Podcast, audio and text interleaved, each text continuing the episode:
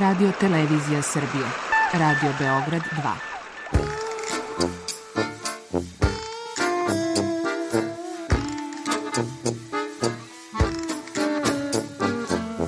Rekli su mi, gospodine, vi ste promašili temu. Pa ja sam onda promašio život. I ne znam šta će da bude sam. Kaže, ja ne mogu više te čuvam. Šta da ti radi, kaže, snađi se kako znaš. Mi smo kao u kafesu. Za nas to je najmrtvo. To je mrtvo za nas, naročito.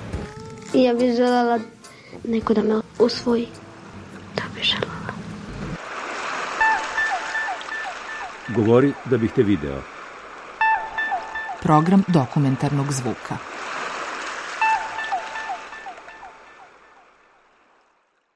Ja sam profesor dr. Slobodan Vuksanović, direktor Pedagoškog muzeja. Mi se nalazimo u, u bašti, dvorištu e, muzeja koji, koji je sav u cveću, koji je ukrašen e, hotelima za bubamare, e, kuhinjama za bube, kućicama za ptice, hotelima za insekte i ovde se deca jako lepo igraju.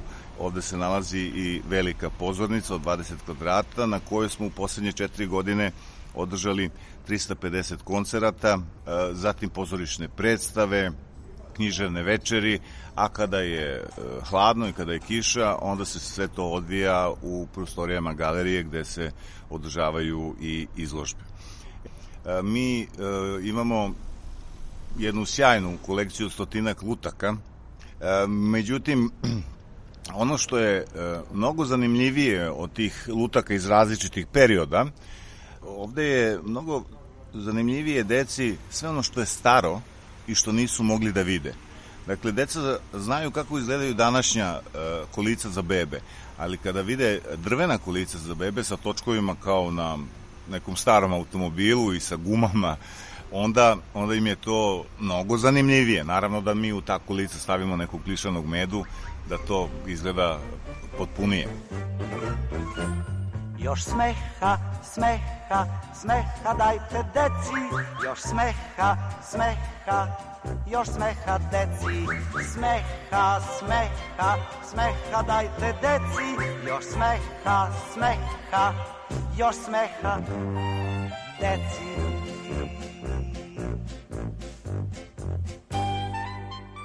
Razume se da e, najmlađim generacijama nisu poznate e, čuvene pionirske uniforme koje su u moje vreme bile e, uobičajene za priredbe, e, dan škole, dan republike i slično. E, dakle, sa titovkom na glavi, e, bele košulje i crvene marame su imali dečaci i devojčice, a devojčice e, teget e, haljinice, suknjice i dečaci teget e, pantalone. E, mi naravno imamo ovde i lutke e, koje predstavljaju koje su odevene u đačke uniforme iz različitih epoha.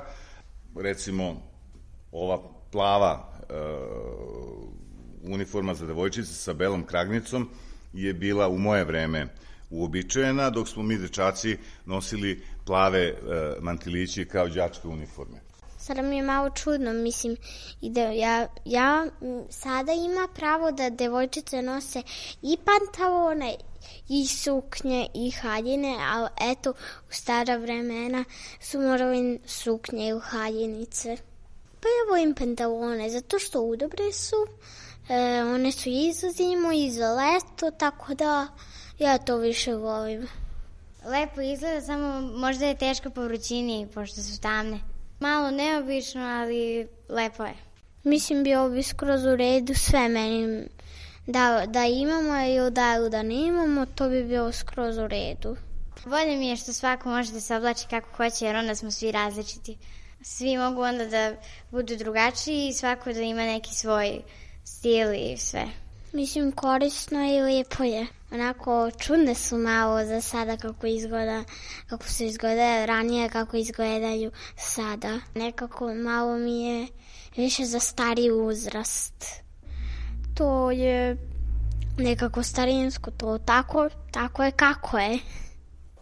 Ovaj period ovaj period škole posle 45. godine sa kozaračkim kolom, sa čanskom kartom, pio, uh, Saveza pionira Jugoslavije. To je nešto što je njima potpuno uh, nepoznato.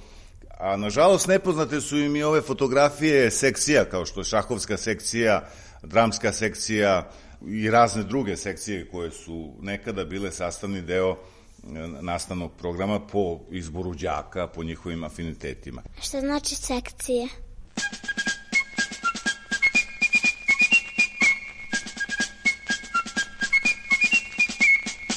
Zdravo vojsko oštrih olovaka, zdravo kolono đaka u septembarskom maršu. Leva, desna, desna, leva, čujem korak kako peva. Leva, desna, desna, leva, čujem korak kako peva. Dolazimo do jednog dela gde deca u zabavi prilično mogu i da nauče. Dakle, ovde imamo e, modele, originalne modele sa pravim e, pčelama, prepariranim, kako izgleda košnica, na primjer. Pa kako izgledaju razne vrste leptira, svilena buba. E, najčešće ja pričam kako je kineska carica pila čaj u svom dvorištu ispod drveta duda i onda u jednom trenutku je jedna larva sa drveta upala u, u, u šolju njenog čaja. Kada je izvukla larvu, e, izvukla je zapravo jedan svileni konac i onda je počela da tera svog muža cara, da sadi što više drveća duda po Kini i tako je počela proizvodnja svile u Kini koja se kasnije preselila u Indiju i u ceo svet. Deci je to jako zanimljivo i istovremeno i zabavno. Ovo je specijalno rađeno za izložbe koje su održavane pre 30 e, godina, a koje sam ja, nažalost, e, ili na sreću, e, pronašao u prašini i vlazi tavanu muzeja, čistio zajedno sa kustosima i obogatio, duplirao zapravo ovu našu stalnu postavku. Za ove preparirane ptice, veverice, zmije, žabe, bebe bele ajkule i druge životinje. Deca su posebno zainteresovana. Dva puta mi se dogodilo da me dečaci starosti otprilike 8 godina pitaju zašto si ubio pticu. To je dosta teško pitanje. E, u tom trenutku ja sam se, priznajem, zbunio i nekako na jedrite jade izvukao odgovorom ma one su jadne umrle e, pa smo, mi, pa smo ih mi ovde sačuvali. Malo su me preznojila ta pitanja, kao i druga pitanja. Recimo, za bebu Bele Ajkule, kada ja deci pokažem, koja se nalazi u tegli, formalinu, kažem, jednom dečaku sam rekao da pogledaj kako je bila mala kad se rodila, a posle porasla i posle kita najveća i najopasnija riba u, u okeanu. A, kažem, tako ćeš i ti da porasteš a on me samo pogledao onako kao da ima 80 godina, mudro govorio, pa šta, i ti si bio mali, pa vidi koliki si sad. Tako da, e, dečje reakcije, dečji odgovori su nepredvidivi. Ja znam da školska godina ne traje ni subotu ni petak, već mnogo više, zato viknimo za veliki početak.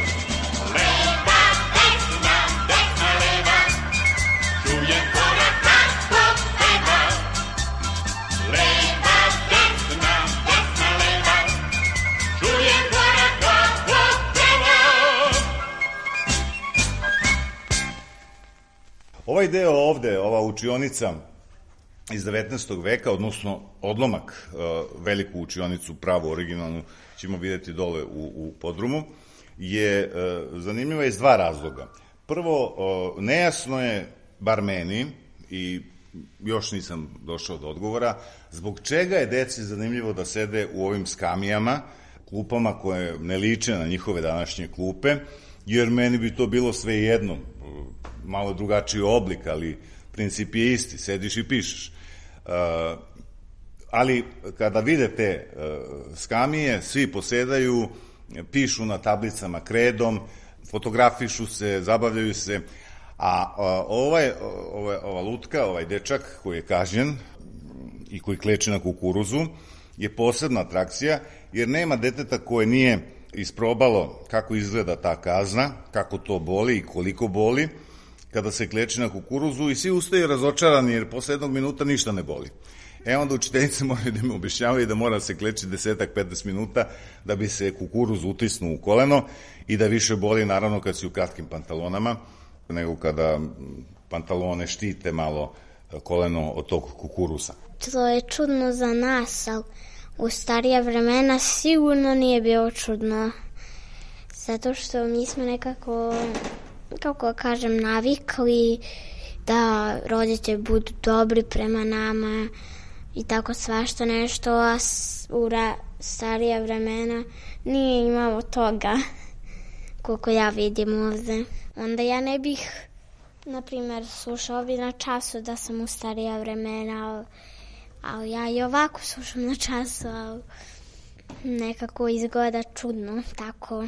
Nekako mi izgleda sada malo strašnije nego što je sada, na primjer, učiteljica je učitelj, koji ima učitelj, koji ima učiteljicu. Sada su nekako oni su i dobri, ali malo su i strogi. Ne kažem da, da su dobri skroz. Ako je neko brezobrazan, ako je neko, na primjer, ne sluša na času, ona se malo naljuti i vikne, ali nije bilo ovako da kleči na kukuruze ili tako nešto. Finije, mnogo. Ovde imamo uh, jedan model onih prvih učionica koje su bile zapravo manastirske škole sa ovim tronošcima i takozvanim voskolarnim tablicama, tablicama koje su vučene voskom i gde se ovim drvcetom zašiljenim pisalo po njima. Deci je to jako zanimljivo, svi to isprobaju, pisanje na, na, na vosku. I onda im ja objašnjavam da je učitelj posle svakog školskog dana opet na nekoj sveći ili ne, nečem toplom topio taj vosak, prevlačio ga lepo kao puter preko hleba, ostavljao preko noći da se ohladi i onda bi deca narednog dana ponovo mogla da pišu i da pišu brojeve i tako dalje. To mi je sada baš nekako čudno previše. Nisam očekivala da je tako bilo u starija vremena, sada je mnogo drugačije. Imaš svesku, imaš knjigu, a oni su tako neke druge morali da to rade na vosku. Rekao bih da je njima bilo teže u smislu kao e, da pišu ovde tako, u tom smislu mislim. Nekako, to mi je nekako drugačije sada. Ja idem u moju školu i sada je sve ovo drugačije, sve drugačije izgleda nego što je ranije bilo. E, i naravno ta učionica iz 19. veka, originalna, imamo ovde i jednu u vitrini e, maketu sa bubnjarom peći, sa tablom, sa katedrom, sa računaljkom, čak i sa metlom e, i malom sekirom za cepanje drva za grejanje. Ona im je zanimljiva jer kad vide ovu peć, onda im ja kažem da su ili učitelj ili možda neki domar kasnije u školi morali da dolaze u, u učionicu u 6 sati ujutru, da podlože vatru, kako bi e, đacima bilo toplo već od 8, a ne da se smrzavaju prva 3-4 časa. I onda deca često govore, jadan učitelj.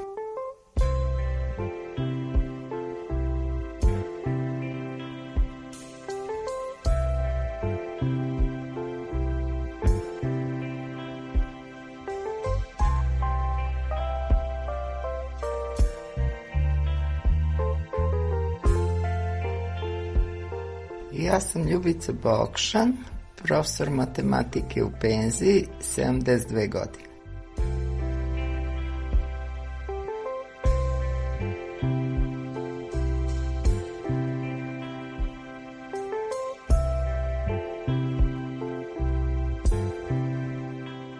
Imala sam ja težak život kao svaki normalan Srbin. Al kad uđem u učionicu, tu mene sunce ogre. Ja uđem u učionicu, stanem, pogledam decu, pogledam, onda malo moram da im dam koji znak da sednu u klupe, li tako, i onda sedne za katedru i onda njih gledam preko dnevnika i naočara. Gledam ko je žut, ko je beo, ko, se, ko je pocrveneo, ko se, ja, ja im to kažem, što se uspujdo i, ta, i onda se prvo raspitam šta je bilo, kome je šta. da li je nešto normalno dečije ili se nešto dogodilo, da li je neko dobio nepravednu jedinicu ili se neko s nekim malo tu posvađa međusobno ili tako. I onda je sad to kad raščistim, da ulazim u učionicu sa dobar dan pilići, a inače sam se stalno trudila da stalno sam želela da budem najstroža na zvezdari i šire i onda oni kad se hoće da mi se ulaguju, onda kažu da sam najstroža na zvezdari i šire, a to uopšte nisam, nisam bila.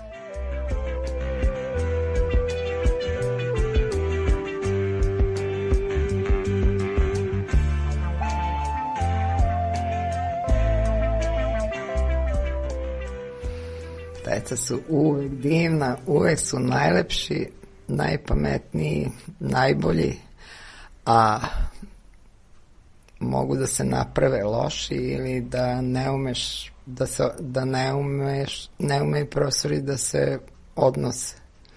Ali izuzetaka uvek ima naravno. Ima i, i neko ko je takav po prirodi. A danas o tome što o tome što govore da su deca sad loša, deca nisu loša, ali je sa njima sada teže raditi. Mislim da je uzrok, je, jedan od uzroka tome je demokratija. Nismo znali dovoljno da cenimo kvalitet našeg školstva, pa smo pustili da razne uticaje I od tih uticaja raznih se došlo do toga da roditelji mogu da komanduju kako hoće, a roditelji sa svim svojim dobrim namerom mogu da budu opasni za, za decu.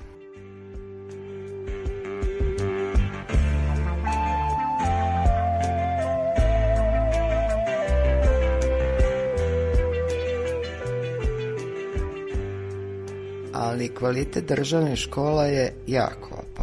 Opadao je postepeno od problema države posle rata i tako sve nadalje i još drugih nekih doprinosa, možda je tu i politika imala veze, ali mislim da je tu velika greška u tome što se mora znati koje su najvažnije stvari za jedan narod i za jednu državu. Mislim da su deca najvažnija. Znači u to moram najviše se ulaže.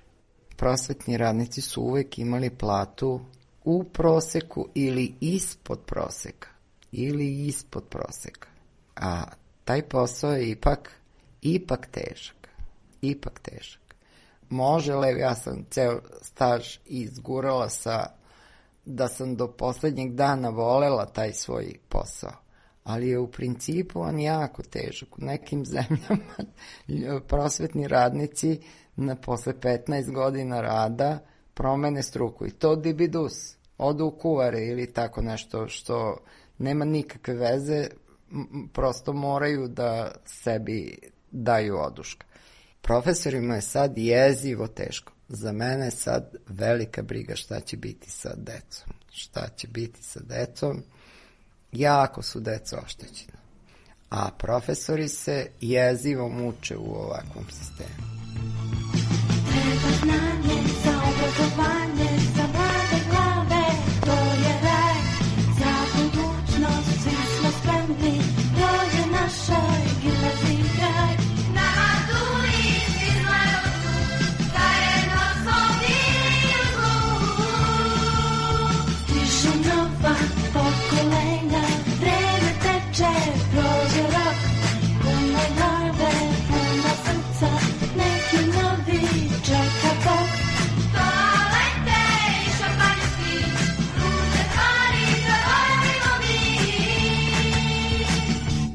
I sada imamo ovde jedan deo zgrade, to je aneks zgrade, kako da zovu, Mi smo ga nazvali Riznica. Kada sam ja počeo da radim, to je bilo jedno stovarište e, nekog građanskog materijala. Ja sam to onda čistio, izbacivao. A sve što vidite od ovih eksponata, kompletne e, kabinete za hemiju, za fiziku, za geografiju, za biologiju, za anatomiju, to sam našao na, na tavanu zgrade. E sad, kada e, deci pokažete ovaj magnetofon trakaš, koji je jako težak i koji su nekada novinari nosili sa mikrofonom, baš radio novinari, e, i tako snimali, snimali ljude, a onda sa trake puštali u radio program, to, to niko zaista ne zna šta je.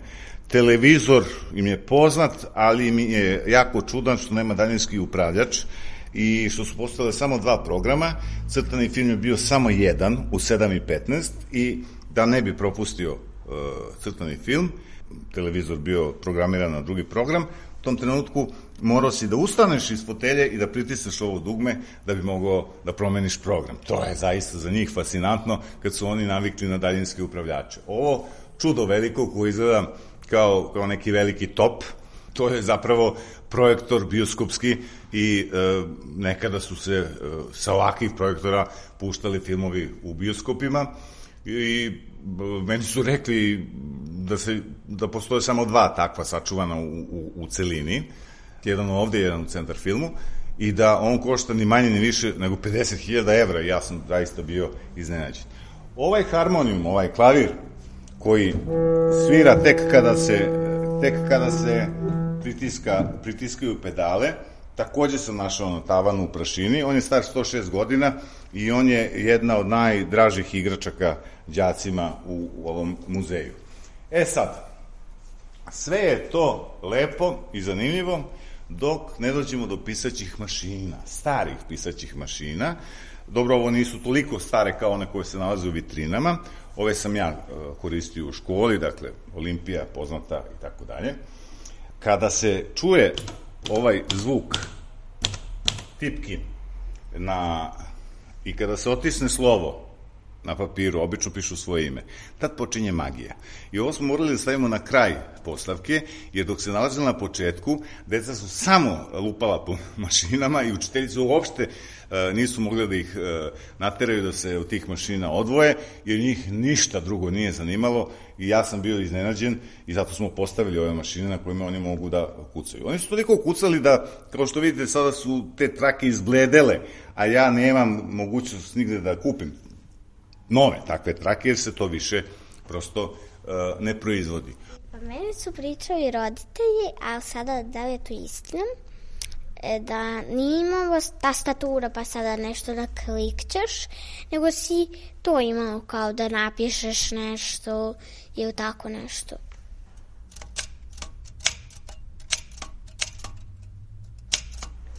C, pa k, o. Ja mislim da je škola nekada bila bolja. E sada postavlja se pitanje, ja znam da je nama uvek otac govorio da je njegova škola bila bolja od naše i da je naša škola zapravo bez veze i da ništa ne radimo, svi smo odlični, da u njegovoj generaciji prođe dve generacije, bude jedan odličan, a da su kod nas svi imali super ocene i tako dalje. Dakle, svaka sledeća generacija iz nekog razloga misli da je škola u kojoj njihova deca idu gora od škole u kojoj su oni išli. Ja zaista ne znam baš do kraja zašto je to tako. Ono što mogu da primetim kad su moja deca u pitanju, da su zadaci koje oni dobijaju najčešće usmereni na razvijanje poslušnosti, a ne kreativnosti i ne inovativnosti i ne autentičnosti, nego kao autentičnost se uopšte ne ceni. Ceni se štikliranje, završavanje posla na vreme. To mi se nimalo ne dopada. Nekako se uče da odgovaraju na pitanja, a da ne postavljaju pitanja.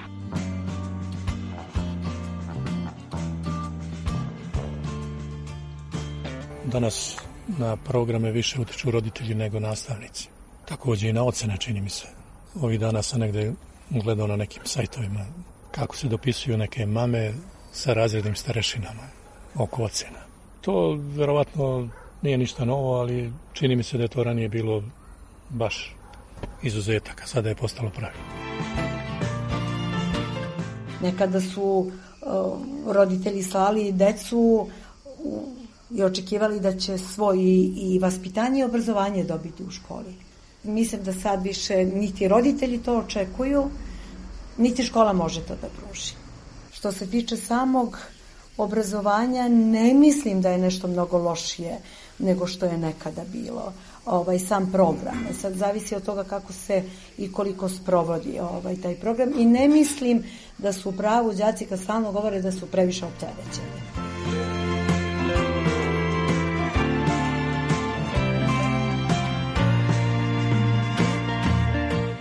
Danas je škola bolja nego što je bila ranije. Bolje je i zdraviji je odnos između profesora i učenika i to jedino što ne odgovara, ne odgovara uh, tim autoritativnim starim generacijama profesora koji nisu navikli na to da nisu u pravu i da neko može da dovodi u pitanje njihovo znanje ili šta god. Tako da u tom smislu jeste bolje jer se fokusiramo na kreativnost i fokusiramo se na otvorenost uh, prema tome da i čovek treba da se bavi i da izučava ono što voli, a ne ono što može da bira. Stari sistem je bio vezan za obučavanje e, ljudi za fabrike, za, to, za poslušnost, za, um, pros, e, za poslove koji su standardizovani i rutinski. To je bio sistem edukacije prošlog veka. A sada se to menja, sada se radi na kreativnosti, na tom nekom novom sistemu.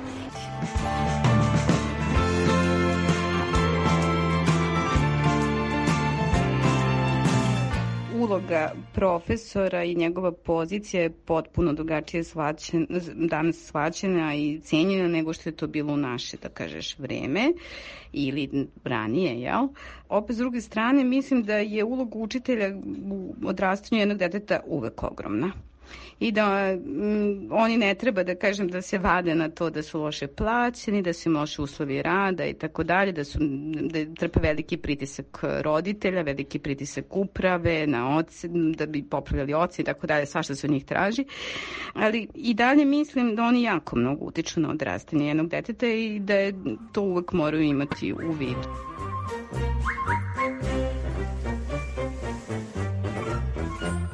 Još smeha, smeha, smeha dajte deci Još smeha, smeha, još smeha deci Smeha, smeha, smeha dajte deci Još smeha, smeha, još smeha deci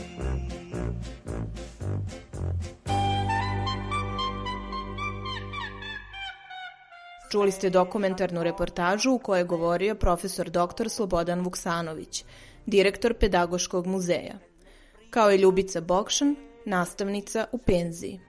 Autor Milena Radić. Neka su brci učiče i nek su smešni dečji snovi i nek su smešni dečji snovi.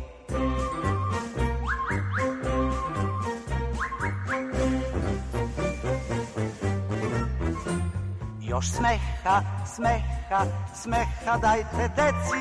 Još smeha, smeha, još smeha deci. Smeha, smeha, smeha dajte deci. Još smeha, smeha, još smeha deci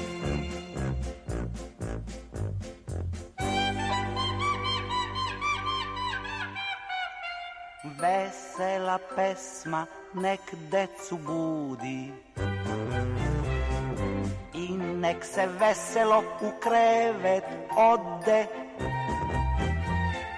Veselo samo ko žubor vode Pa će porasti veseli ljudi Pa će porasti veseli ljudi